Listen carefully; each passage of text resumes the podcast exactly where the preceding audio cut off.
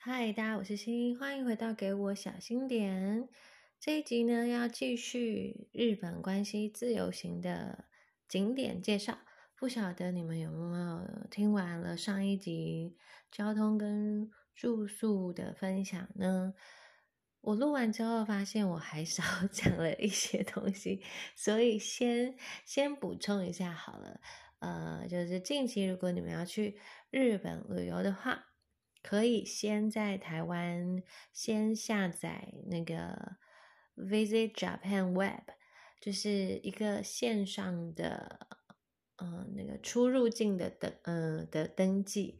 那你先在台湾出发前，我记得我那时候是前一个晚上才才下下载下来，然后呃输入你的基本资料啊，包含呃你的护照的姓名等等等等等。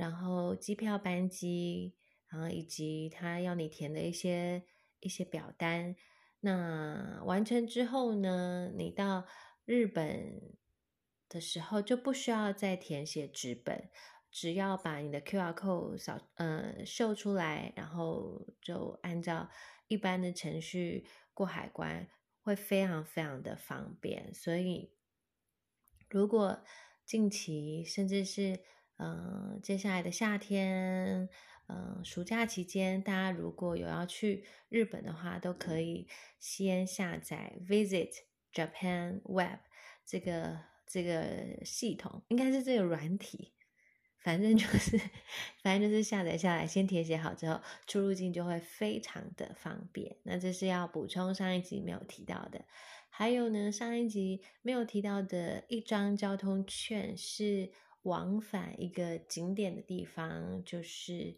呃呃梅田的蓝山。梅田的蓝山是一个很棒的观光景点，有点像是我们去嗯一个郊外的感觉，比如说去新店啊、乌来啊泡泡温泉的那种感觉。但并不是说那里有温泉哦，就只是嗯，好像你跳脱了城市的。城市的繁华跟喧嚣，然后到了一个比较清幽的乡乡下的地方，所以上一节节目忘记讲，我还有呃准备了这一张通往梅田南山的交通券，那这个也有在呃上一集的资讯栏有补充给大家，所以就先 先先做一个补充，因为每一次在在录。的时候，呃，内容比较多的时候，都会漏讲了一些什么的。虽然我还是有稍微呃记录一下自己要分享些什么，嗯，旅行的事情总是那么多，有时候就是会难免会忘记。好，就做补充。那如果你们要安排的话，都可以先记录下来。今天呢，要介绍的是，嗯，我在大阪住的地方。呃，它的附近就是非常热闹的商圈。那我住的地点位置是在新斋桥附近。那新斋桥附近就已经非常好逛了，还有很热闹、很热闹的道顿崛商圈。那那里有美国街、精品街，还有以及非常、非常、非常热闹的那叫居酒居酒屋馆啊，喝酒的地方，还有很多的串烧。当地的小吃，所以如果只是要玩个一两天快闪行程的话，你们就可以直接锁定最热闹、最热闹的地方去待着，然后呃四十八小时、七十二小时吃不停、逛不停这样。如果没有要跑到别的景点，就专门是为了。呃，吃喝玩乐的话，其实就直接锁定最热闹的商圈去去探险就可以了。那嗯，新斋桥跟道顿崛，在我去的那个礼拜，几乎都是挤满了满满的人，因为我讲过那个时候是日本的黄金周，所以非常多的呃日本当地的来自各个地方的的民众都跑出来玩，所以不管。天气怎么样？街道上都是满满的人。那我很喜欢在那个旅行的时候观察大家的，诶，不只是穿衣风格，就是当地的文化跟那个感觉，就看到形形色色的人。呃，白天的时候大家的样态跟入夜之后的样子是非常的不一样。我在我的旅行小日记里面也有分析到，就是我个人的感觉啦。那等下再跟大家说说说看。好，嗯，新斋桥跟道顿觉是蛮多年轻人汇集的地方。嗯，我不能把它用那个 西门町来比拟，也不太能用信义商圈来比拟，也不太能用高雄的。哎，我其实爱爱河商区吗？其实我不我不知道应该用什么方式来来讲那个地方给我感觉。总之就是各式各样的商品都有。那你可以在那里吃到呃大家想吃的大阪著名的小吃。那我们第一天入住呃入住的时候就在附近逛。那附近就找了一家铁板烧的餐厅去吃。日本的食物对先来讲还是偏咸，因为我真的吃的蛮清淡的，所以呃甜食没有东欧来的甜，但也对我来说是甜。那咸食物不管是拉面啊，或是正餐啊，任何的东西对对我来说都是偏咸的。我一定要喝水，或是喝喝喝喝无糖茶。甚至就是喝饮料，那分量都不会很多，就是小巧精致，可以点非常多样化。那对于我们来说，日本的嗯饮食习惯跟日料，应该是我们都比较能够熟悉的，也就是我们的肠胃比较能够可以适应的。因此，我就是在这嗯这一个礼拜里面，觉得。也没有到大吃大喝，就正常的吃喝都没有什么到，呃，肠胃不舒服啊，水土不服，反而觉得还吃不够这样。那嗯，道顿崛跟呃新斋桥，大家都会去那个桥上拍照，就是有著名的地标，然后大家都会都会摆那个 pose。那不免俗的，我也就是在那边有拍照这样。嗯，虽然这不是我第一次去日本，可是这也是我回违非常非常久。我发现我最近很喜欢说非常非常。如果你们觉得这是一个很讨厌的追字，就就请 忽略。好，就是很久很久很久很久没有去日本。其实我是小的时候跟家人到日本来旅游，那个时候好像东京跟大阪都有去。那到了长大之后。呃，可以跟嗯朋友啊，或者是呃男朋友啊，还有嗯家人跟自己出出国的时候，其实都没有再选择去日本玩。我觉得这很蛮神奇的，就我中间这这几年过程都没有选择去去日本，就反而到其他地方去去玩，因为我想说，嗯，就不要每一次的。出国旅游都选择已经去过的地方，那多去没有去过的呃国家啊、文化啊、地区跑一跑，应该也蛮不错。我就一直跟自己讲 说，嗯，像日本这种近的地方，应该是老的时候再去就好了。但这一次还是很开心，就是有一个难得机会可以有七天的假期。好，那那个铁板烧，嗯，在饭店附近小有名气。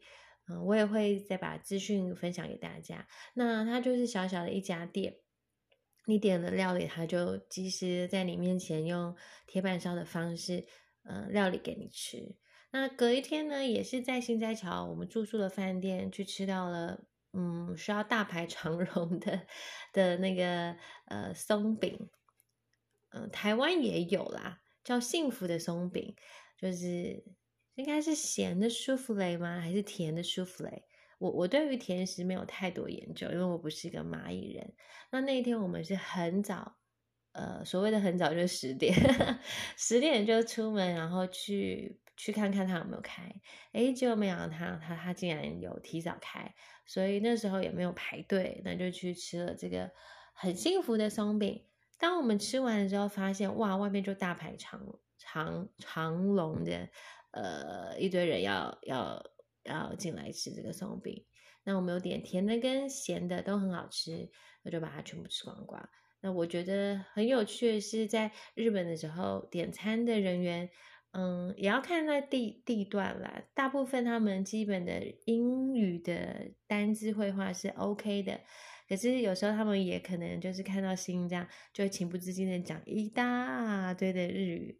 呃，我觉得我听力是大概六成听得懂，没有那么厉害，可是六成听得懂。但我能够回应的就比较少一点，可是我也觉得没关系，就反正。还是可以很顺利的点餐啊，旅游啊，语言并不是一个很难去克服的障碍。偶尔就是赶快查一下那个单字，稍微听一下发音，然后迅速的讲给对方听，他应该都可以理解。所以我觉得其实呃，去日本旅行也不用一定要你那个外语能力非常的强，这样。那如果你是去逛精品的话，啊，通常他会有专门负责。呃，外国旅客的负责人，他的外语能力就会相对的比较好一些。好，那这就是在住宿附近呢，嗯，吃到的两个有印象的餐点，一个就是铁板烧料理，然后另外一个就是，嗯，我刚刚讲的松饼。那个软软松软叫什么呼啊呼啊吗？就软软的软软绵绵的松饼，还蛮好吃的。好，那再来呢，就是开始使用了大阪的一日券，开始从我们住的新斋桥附近往外围去参观。那其中其中一个呃，也是年轻人跟旅客一定要到的一个大楼，嗯。叫做梅田的蓝天大厦。梅田的蓝天大厦呢，它呃需要坐车坐到呃梅田站，然后走一个蛮 大概要走将近二十分钟，步行二十分钟才能到那个大厦。那其实光到梅田站的时候，它的 shopping mall 就非常非常的多东西可以逛。只不过大家还是会去这一间呃，Sky Building，应该怎么说？蓝天大厦，因为这一栋建筑物它远远看起来其实就是一个高楼，大概三十九层到四十层楼的高楼。可是呢，它它其实呃是有非常特别的设计，也就是它的三十五楼以上是有一个很著名的空中庭园，大家可以上去。呃，三百六十度环绕去眺望整个大阪市区，所以这个是还蛮著名的景点，也可以在上面喝咖啡，只不过要排队排很久。那当我们利用那个呃一日券的时候，这时候一日券就是可以直接免费进去，因为你已经包含在那个票券里面了。我上一集节目有说，就是周游券里面大概有包含了五十多个景点，你可以就直接。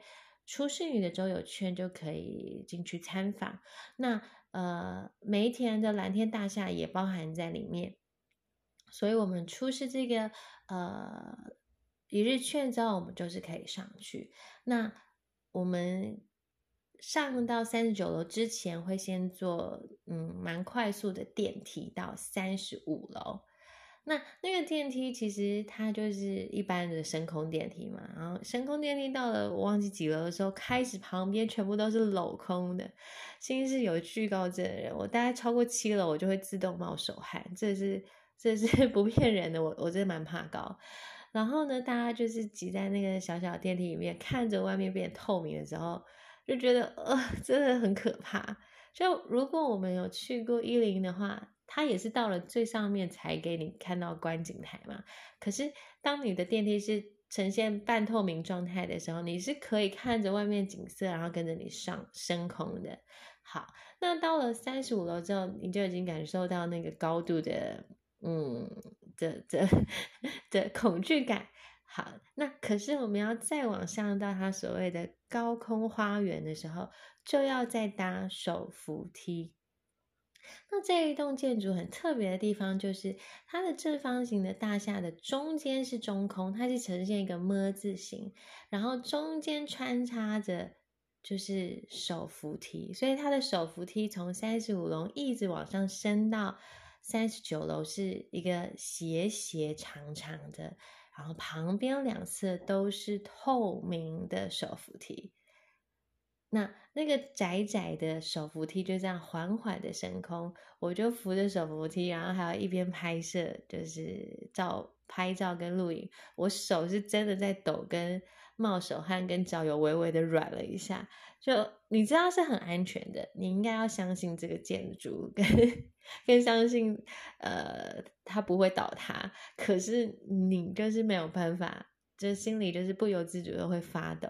然后到了三十九楼之后呢，就它是一个呃一个非常开放的空间，你就绕着它的空中花园三百六十度走一圈，就可以眺望整个大阪市的白天的景象。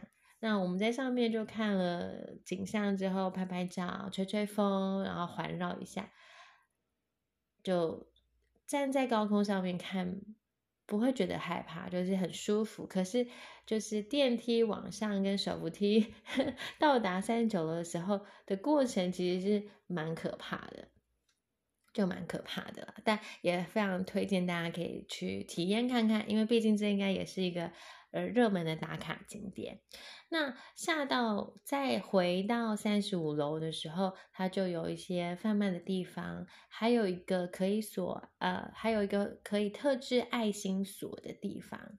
其实蛮多地方都会有那种情人锁啊、爱心锁啊，像在首尔的，嗯，首尔的什么首尔塔嘛？首尔塔附近。也有这个著名的景点。那我在维也纳的时候过的桥上面也有那种所谓情人锁。其实这这也不是说呃专属于哪一个地方的流行事物，好像就是反正这个这栋大楼很适合有一个锁情人锁的地方，什么爱心锁的地方、祈福锁的地方，呃，商人们就会想办法设计。所以这也不是只有这个蓝天大楼的的专利。好，总之，总之就是有一个地方是可以让你克制化定制你的爱心锁，然后再把它扣到三十九楼的那个空中花园的一个蓝蓝位区，这样。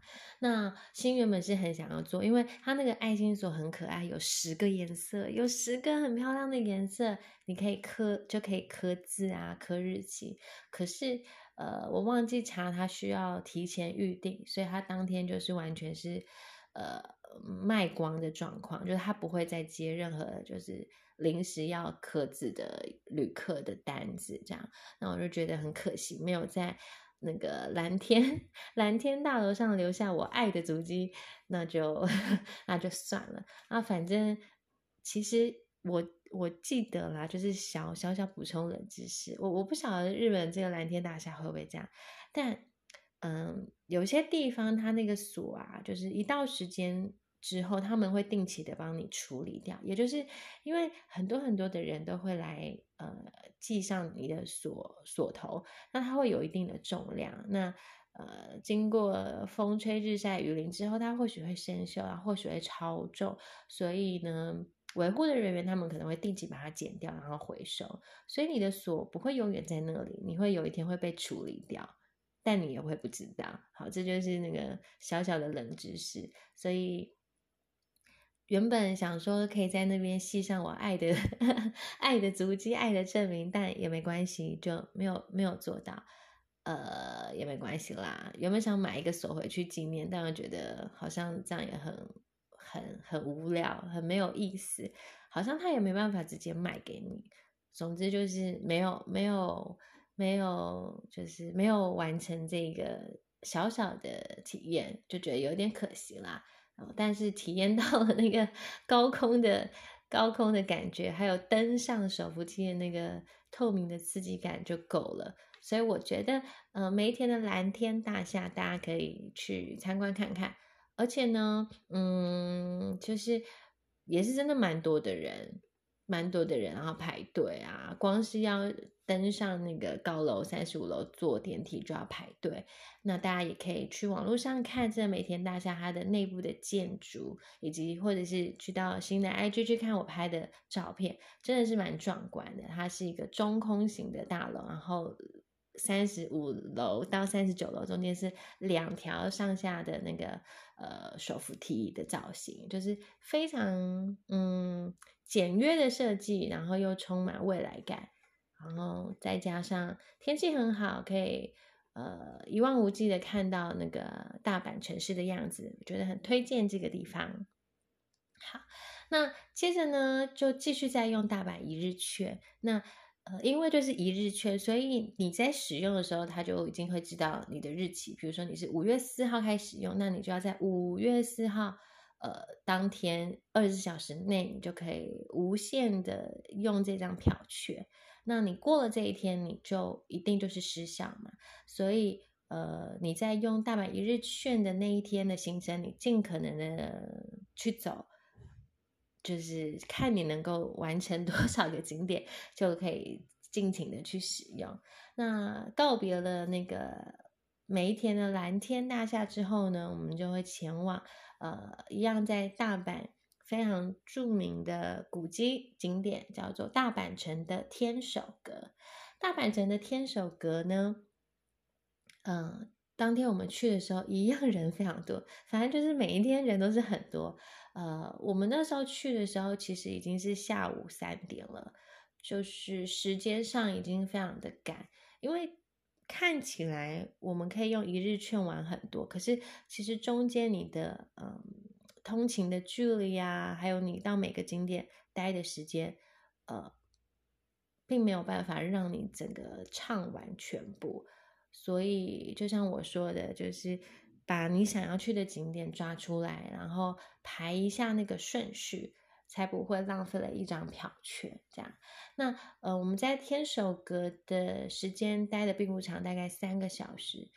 要入到那个园区里面，其实是蛮容易的。可是要再进到呃大阪城里面的内部参观，又是一大票人在排队。后来我们就舍弃了进去天守阁内部去参观，因为它可以内部登高到最它的呃那个最高楼去看看大阪的市容。那我们就觉得说花了那么多时间在排队，搞不好六点它就关门了，所以我们就在呃城内绕啊绕啊绕。那还有一个很棒的体验，就是可以坐，嗯，就是里面附赠的一个一个叫什么船，那个船叫什么名字？我想一下，就是效仿古代的那个那个乘船。那我们就是坐了那个船之后，就可以稍微在大阪城的护城河附近绕，就是绕一绕，这样看。那嗯，原先那个船也是一样要买船票的，就是要用大阪一日券去兑换。可是因为我们去的时候已经是售完票了，那原本就是想在旁边看看其他游客搭上那种传统的呃传统的那个叫什么，我一直想不起来啊，玉座船呐，大阪城的玉座船啊，有点难记得这名字。原本我们就想放弃看别人乘乘坐这样，那没想到我们就在旁边就是在等的时候呢，呃，那个工作人员就就说：“哎，你们是有票的嘛？”然后我们就出示了那个大阪一日券，说我们只有这个票券，还来不及换那个船票。然后他说：“嗯，很抱歉，我们现在是卖完的状况。”可是因为他们都有一个时间，一个时间，比如说十五分钟一个梯次，三十分钟一个梯次，我有点忘记。他说没关系，等等看，因为目前好像还有几个座位，是因为呃那些原本要来的人没有准时到，所以如果他们没有来，他们放弃了这个权利的话，就可以让你们递补。然后你知道听到这里就觉得很开心，因为就原本想说啊，我那个又没有办法。登高望远，然后也只能在城，呃，大阪古城里面晃一晃，然后也不能搭到玉座船，然后就只能这样子，呃，走马看花，乱拍照这样。然后正当要放弃的时候，就突然，突然那个工作人员说：“哎，你们可以，你们可以坐上船喽！”然后就真的喜出望外，然后，就非常非常非常开心。然后就很顺利的可以搭到那个玉座船。玉座船呢，嗯，他就简单的跟你介绍大阪城的历史。当然，这一切都是讲日文，因为他很可爱。那个船船夫吗？还是船长？他很可爱，说很抱歉，那个国外的旅客他只会讲日文，那他就讲了一下历史。那其实我也是听不懂，所以就瞎听这样。但可以可以，就是跟着他的指示去看一下，呃，他形容的地方。那其中一个很特别，就是我们要。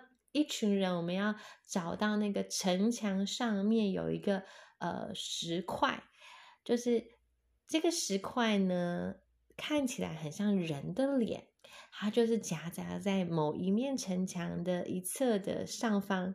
那大家呢就要很努力的去找到那个人面的石块。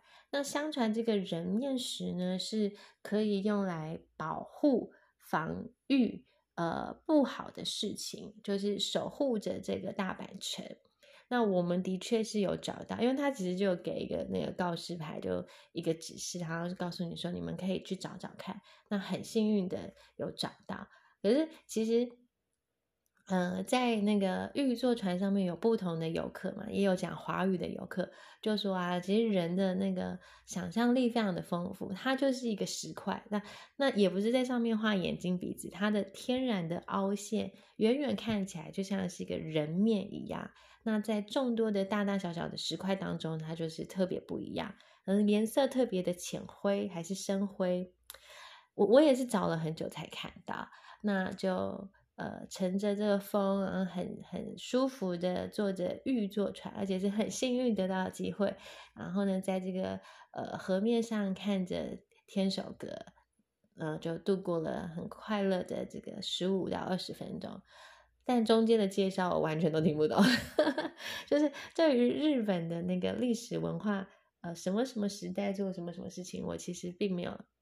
比较了解，可能外国史比较了解，所以没关系，也当做是一次特别的体验。这样，那很幸运的呢，就就是被好心的工作人员呃邀请 上了船，那就享受了一趟不一样的那个游游船，然后看看这个城内的风景。那在大阪城，嗯。园区里面呢，也有很多小吃可以享受，像是我非常着迷于日本的贩卖机，就是我每天看到那个 Q O O，我都一定要喝一罐。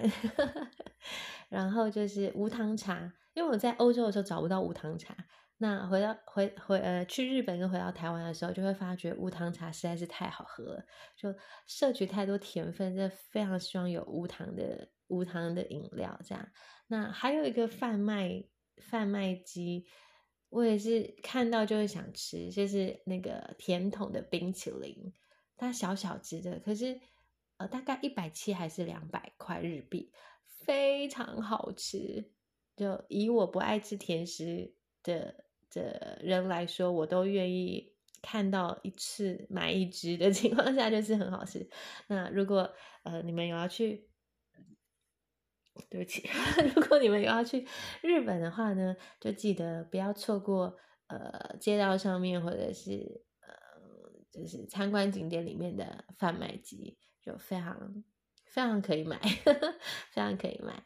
好，那逛完天守阁差不多就是六点的时间，那接着又继续用大阪一日券 继续再逛，所以。这一天我真的很累，因为从从出门一直到回到饭店，一直在跑不同的景点，就不想要浪费那个券嘛。所以接下来的第三个景点，我们就到了新世界通天阁。所以今天的行程都是登高望远，通天阁。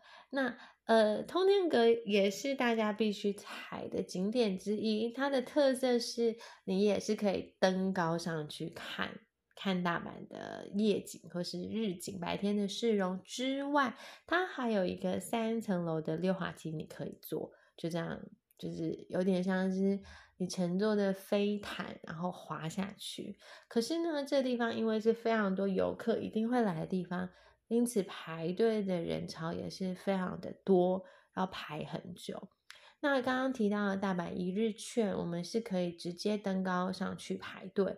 可是如果你要再玩溜滑梯的话，就是要排另外一个路线，而且是要另外再付费。那登高到这个通天阁上面，它还有更高的地方，就是如果大家有搜寻资料，可能看到一个很窄很窄的，呃，嗯。类似半透明的观景台的话，那个也是需要再额外付费，嗯，而且还要排队，因为它的范围比较小一点，能够容纳嗯容纳的人比较少一点，所以嗯就会排的时间比较久。那新就没有在再往上再去看，也没有去排。那个溜滑梯的时间，因为我觉得要一直等一直等实在太久了。就是我有到通年阁上去逛一逛，代表我有来过就好了，就这样。那因为嗯，就是蓝天大大楼跟这个通天阁，它其实都是嗯玻璃，然后钢筋水泥，就是有一点半透明的状态，其实。呃，对心来讲都是我都是有点害怕的，所以一整天下来都一直在看很高很高的地方，我我有点就是心里有点累，心里有一点累，所以就放弃了继续再登高登高的机会。不过如果你很有兴趣，很想要每一个景点都玩到透彻的话，也是可以排队或是再花再花钱。不过有个小插曲，就是在下来的时候，它其实是可以坐电梯下来的。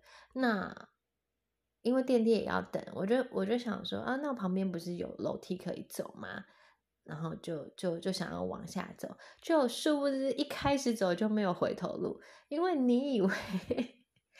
你以为就是两三层楼，不是不是不是，它是它是几十公尺高这样，所以你就一直走，一直走，一直走，一直往上走，一直往上，然后在很狭很狭窄的那个呃楼梯的步道，就一直往下走，一直往下走，一直往下走，一直往上走，然后才走到可以搭电梯的地方。那已经经过几十公尺这样，我觉得有时候就会犯蠢到整死自己，但但我觉得这也是很好玩的事情，就是呃。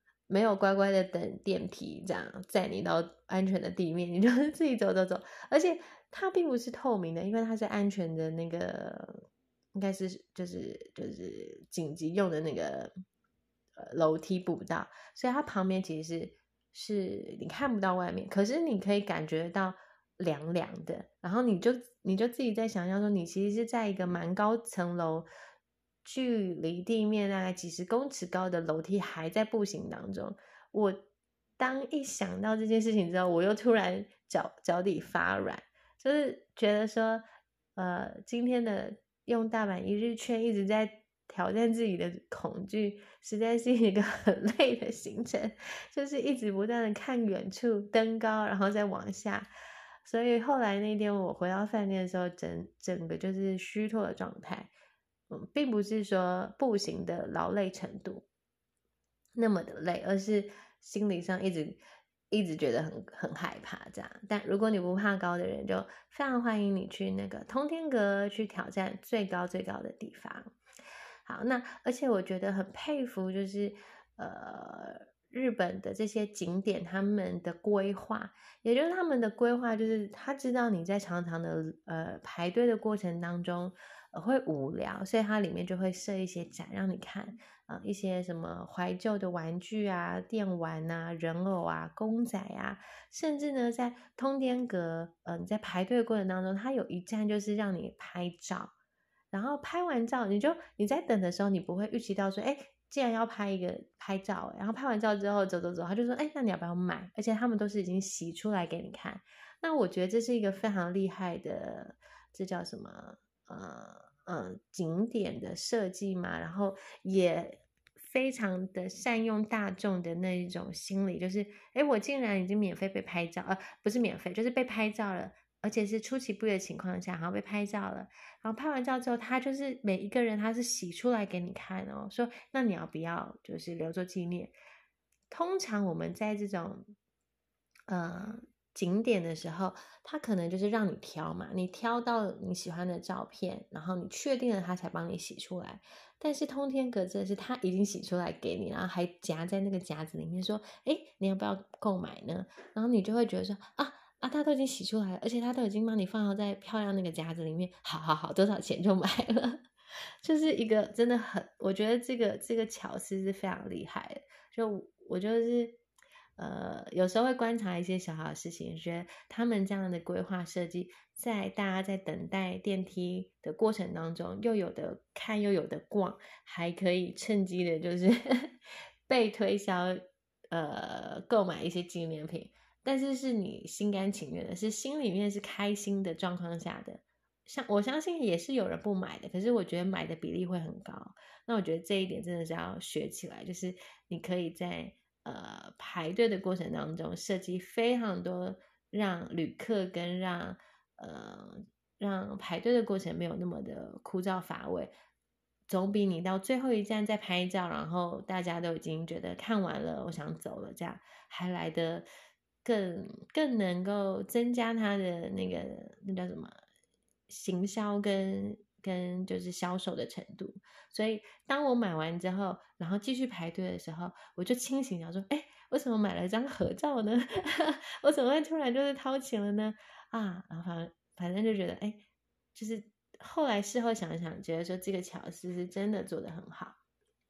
就可以学起来，我也不知道学到哪里，反正总之就觉得这这是一个还还蛮不错的一个策略，这样好。那登高望远完了，呃，又走了非常久的楼梯走下来了，我们就到通天阁附近的呃商区去逛，因为大概都已经六点多到七点了。那这附近非常非常多的串串烧店。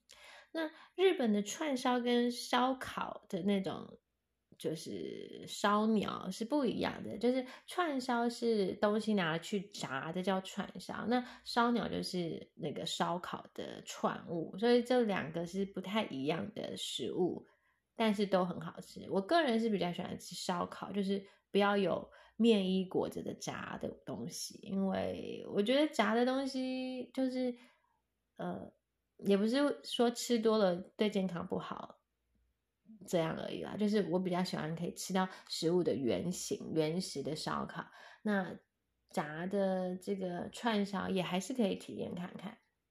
那因为每一家店都非常多人，好像每一家店都是名店，所以呢找来找去都没有，嗯，很快可以。解决我的晚餐的地方，于是乎就想说，那就跟大家不一样吧。我们我们就不要去吃串烧了，就去吃 普通的日本料理。结果就来到了一家也是老字号的呃日式的生鱼片的餐厅。那一进去就发现里面坐满了满满的人，而且年纪的年龄层都比较大一点。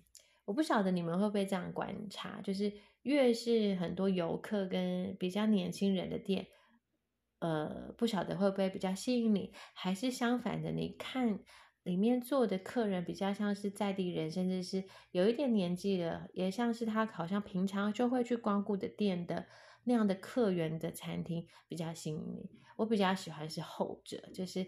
我觉得，如果是比较多当地的人，他下了班或者他平常休闲就去光谷的店，我会觉得那个应该会是比较到底跟比较好吃的，不是专门否观光客的。所以就观察一下里面坐的的人，就觉得说，好吧，那就这一家。那后来去查他的评价也是非常的好，那很开心可以。呃，大快朵颐吃我最爱的日式料理当中的 生鱼片寿司系列，我就毛起来狂点。就是去日本不吃不吃生鱼片，要吃什么呢？对我来说就是吃饱这样。然后也也也吃到了炸炸物，就是串烧这样。我比较喜欢吃生鱼片，然后也点了海鲜冻。怎么样换算下来都是非常划算，所以呃，用美食呃抚慰 一整天那个被高度所惊吓的心灵。那我我觉得这一餐就是很开心，然后也有喝也有喝清酒，但是因为我要点的是美酒，可是我记得我跟那个老板点的是美酒，但是他就一直。跟我讲清酒，然后我们就有一点稍微的鸡同鸭讲了三十秒钟。我想说算了，反正就是点酒来喝。他最后就是给我冰的清酒，那没关系，也是很 OK，也是很很很配我的晚餐，所以也不会跟他太多的计较，就 点错就点错这样。他送错什么就送送来吃就送来吃，就就就就好了这样。好，那。继续就回到那个住的饭店的附近，就一定会经过新斋桥跟道顿崛。嗯，那个时候大概已经是晚上了九点多到十点了，入夜之后的日本的街道，尤其是在闹区，一样挤了满满的人，感觉很像跨年晚会。之外呢，我可以很明显感受到晚餐之后的日本的街头。嗯，或许是因为放假的关系，就是很多的很多的氛围都被放大、放大、放大。比如说很大声啊，很欢愉啊，很野性啊，很猖狂啊，酒精啊，美食啊，就是大家都非常的放松。然后，嗯，我觉得很热闹没有关系，可是不知道为什么我心里都会感觉到就是危机四伏，就是嗯。路上非常多的人，然后男女老少都要都有，男男女女都有。可是我可能比较敏敏感一点，会觉得呃，有些时候的眼神不是那么的舒服，让我就很想要赶快赶快回到饭店。就如果我是一个人单独行走的话，我可能就会呃莫名其妙被路边的人搭讪，或者问话，或是怎么样。那我觉得是有潜在的危险呐，嗯，但是还好我是就是有结伴而行，所以呃，并没有让我那么的感受到不安全、不安心，但还是会加快脚步，就是觉得说人多的地方又有喝酒又有酒精又嗯比较轻松的状态之下，一不小心可能就会发生一些事情吧。所以就也也也带着这样的嗯呃意识感，就是快步的往呃自己住宿的饭店回去。那在过程当中，就嗯不小心误入了那个 风化的街道。我我我不太知道那一区是什么，就是就是反正那一整个巷弄里面一样都是喝酒的东西。然后也有蛮多穿着西装，嗯，打扮的像是呃某种服务行业的男子在街头跟你聊天搭讪，邀请你这样。后来我就看了一下他们的招牌，大概可以推测，可能就是很多的呃呃特种行业的服务地段，就是可以跟。跟你聊聊天的的地方，就是牛郎店啊什么的。那我只有在旅游的频道跟呃，就是电视上电影里面看过，我没有亲身的走在那个街道上面这样。那我走的非常快，我走的非常快。嗯，可是旁边两边都是都是嗯。呃，他们的服务人员在外面聊天，然后跟客人呃攀谈，然后或者是邀请这样。那我的确是有看到，比如说有女生啊、男生就就在店的门口讨论说，哎，呃，你觉得他帅不帅啊？喜不喜欢啊？要不要上去呃，就是消费看看？我是有听到这样的对话，所以我更能够确定啊，我大概就是走到了某一个那个服务专区这样。我是没有体验啦，我就很累，很想要赶快回饭店休息，所以也算是开了眼界了。因为拐一个弯之后的另外一个风景又不一样，我就看到，嗯，很可爱，嗯，呃，就是就是一般的就是酒吧的感觉这样子。那之后到了其他景点，也有看到有很多女仆，很可爱的女仆店，所以就各式各样的呃商店跟街道的风格不同。那我也算是就是呃小小的记录了一下这些不同的呃给我的感受跟刺激啦。就哦，原来当我真实到了这个现场的时候，哦，我我我心里会觉得哦，原来就是长这样哦，原来是这样的感觉，这大概就是类似这样，所以所以那一天也算是。呃，去了大阪一日券，里面包含的景点之外，也误入了那个很特别的街道，感受了入夜之后十点、十一点之后的日本街头，还有他们的一些文化。那另外一提的是，就是日本大家呃大阪都会想到的是章鱼烧跟大阪烧。大阪烧我觉得跟我吃到的在日。在台湾吃到，在日本吃到的就是那个样子。但章鱼烧对我来说，我就觉得，嗯，他们是偏比较软的、软烂型的章鱼烧，酱汁也是酸酸甜甜的，我没有到非常的喜欢，所以我就大概吃一两个就就没有再吃了，就就就等于说我有吃过 这样就好，因为我一直都知道，本来日料食物在日本跟在台湾跟在其他地方口味什么都会有一点改变。那这就是呃，在道顿崛啊，还有新斋桥啊，然后就是比较热闹的商区所经嗯所有的体验吧。那精品商区就其实我觉得精品商区就看人啦，因为像我就是有有这个消费的预算，所以就会去逛。不管是买给自己，还是要买来当做生日礼物送给呃自己很重视的人之外，呃，其实就是可以晃一晃啦，就没有一定要一定要呃鼓励你们去消费，这样就大家就看自己的荷包衡量一下。那我的确是在日本有买了当地的嗯服饰啊，还有鞋子啊。然后尝试着跟跟当地 的文化稍微融入了一下。以上就是市区的附近的景点介绍。呃，对，Q O O 尾就是每一次看到都一定要买。可是我只有看到比较多在卖苹果口味的，就其他口味的几乎都没有看到，所以我就觉得很可惜。就是这样。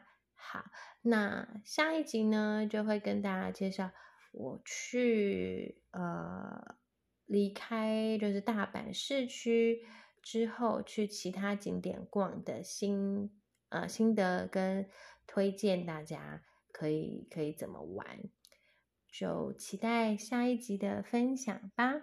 哦，还有呢，也有不小心迷失在那个公仔店当中。呃，就是如果你也是有喜欢动漫啊、卡通啊、电动的人，呃，日本也是一个非常非常好购买、购入公仔公仔的地方。有这么一说啦，我不知道是不是真的，就是有些人会特别来，呃，就是日本去买嗯公仔，那用比较便宜的价格，因为真的。就是比较相对起来就比较便宜，然后买了比较多大量之后再带回到台湾贩卖，或者是放在那个夹娃娃机的机台里面。我是有这么听说，但不确定是不是真的。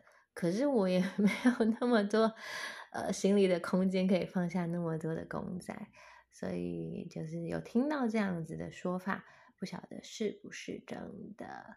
OK，好啦，那就是跟大家分享一下，在新斋桥、道顿崛，呃，还有南坡站，就是这这几个地方都是在我住宿的附近，是非常热闹的观光胜地。然后的一些白天跟夜晚的呃想法，呃，应该说感受，分享给大家。那下一集呢，就会跟大家介绍。我去那个蓝山，去蓝山，嗯的的景点，然后怎么去，玩了些什么，再跟大家在下一集的节目分享哦。嗯，除了蓝山之外，也还会介绍呃清水寺以及环球影城，所以我们还会再录几集，再跟大家多说一点关于日本关西行的所有的内容，希望你们会喜欢。那我是欣，我们下一集的节目再见喽，拜拜。